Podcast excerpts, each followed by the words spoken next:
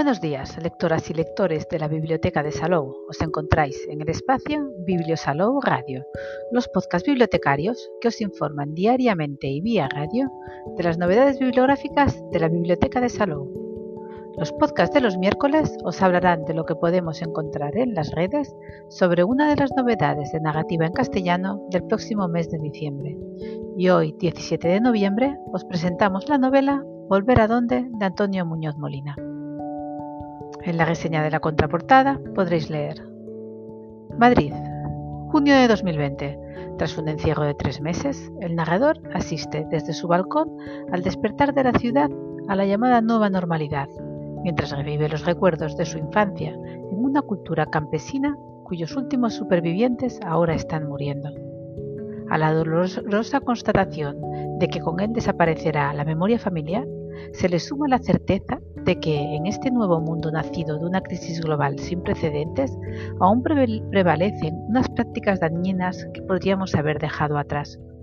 Volver a dónde es un libro de una belleza sobrecogedora, que reflexiona sobre el paso del tiempo, sobre cómo construimos nuestros recuerdos y cómo estos, a su vez, nos mantienen en pie en momentos en que la realidad queda en suspenso un testimonio imprescindible para entender un tiempo extraordinario y la responsabilidad que adquirimos con las nuevas generaciones.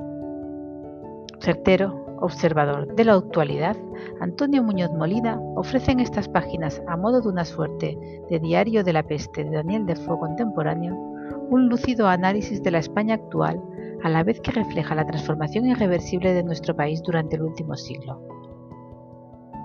Antonio Avendaño, en el plural, nos habla sobre el libro. A mitad de camino entre la crónica, el dietario y la introspección y el ensayo, en Volver a Dónde hay dos tiempos, que Antonio Muñoz Molina alterna con eficacia. Uno es el informativo sobre la pandemia y el otro es el tiempo interior del narrador. Cronista a un tiempo de sí mismo y de la actualidad acaparada por la pandemia.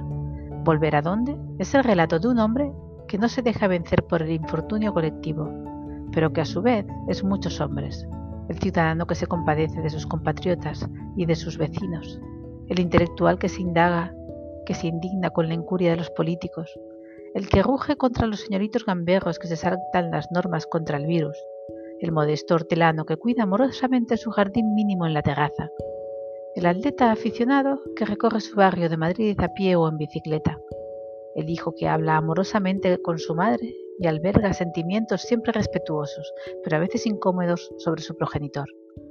El padre atento, pero algo distante. El abuelo embargado por la ternura. El niño y adolescente de su Úbeda natal, al que el escritor vuelve una y otra vez en estas páginas. En Muñoz Molina hay una obstinada voluntad de exactitud en la descripción de escenas, paisajes, objetos, emociones o personajes, pero su exactitud no es la de las fotografías, ni siquiera la de las mejores fotografías, sino más bien la de los cuadros de Antonio López o la recién fallecida Carmen Lafón. Es una precisión que no se limita a copiar la realidad, sino que la recrea, la reinventa, la regenera y hasta la convierte en otra cosa más sin permitirle nunca dejar de ser ella misma. Sobresale, entre otras, la entrada 178 del libro que trata de los tontos del pueblo y encoge el corazón. En los pueblos de la España de los 60 no estaba mal visto burlarse cruelmente de los discapacitados psíquicos. Lo más probable es que ellos mismos sintieran las crueldades de que eran objeto, en mucho menor grado que sus pobres madres, asediadas por el oprobio y la culpa. Al niño Antonio Aquellos tontos le daban una lástima inexpresable, abismal, uno de esos sentimientos que sobrecogen a un niño a tal profundidad que no puede confesarlos a nadie. La fidelidad del escritor a lo real está, por un lado, sostenida estilísticamente en una imaginación verbal poderosísima y por otro, anclada moralmente en una ética cuyos referentes literarios son Montaigne, Cervantes o Galdós. Una ética a un tiempo severa y compasiva, intransigente con las embestidas de la maldad cerril e indulgente con los pecados cometidos por la incultura, la tosquedad o la pobreza. El libro, de 343 páginas, ha sido editado por Sisbarral. ¿Y qué sabemos del autor? El escritor originario de Jaén, Antonio Muñoz Molina, es una de las plumas más reconocidas de nuestro país. Recibió el Premio Príncipe de Asturias de las Letras en 2013 y es autor, entre otras muchas obras, de la novela El invierno en Lisboa, Premio de la Crítica y Premio Nacional de Literatura 1988, El jinete polaco, Premio Planeta 1991 y Premio Nacional de Literatura un año después, Todo lo que era sólido, como la sombra que se va, y Un andar solitario entre la gente. Recibió también el Premio Jerusalén, el Prix Médicis Étranger y fue finalista del Premio Man Booker Internacional. Es miembro de la Real Academia Española desde 1995.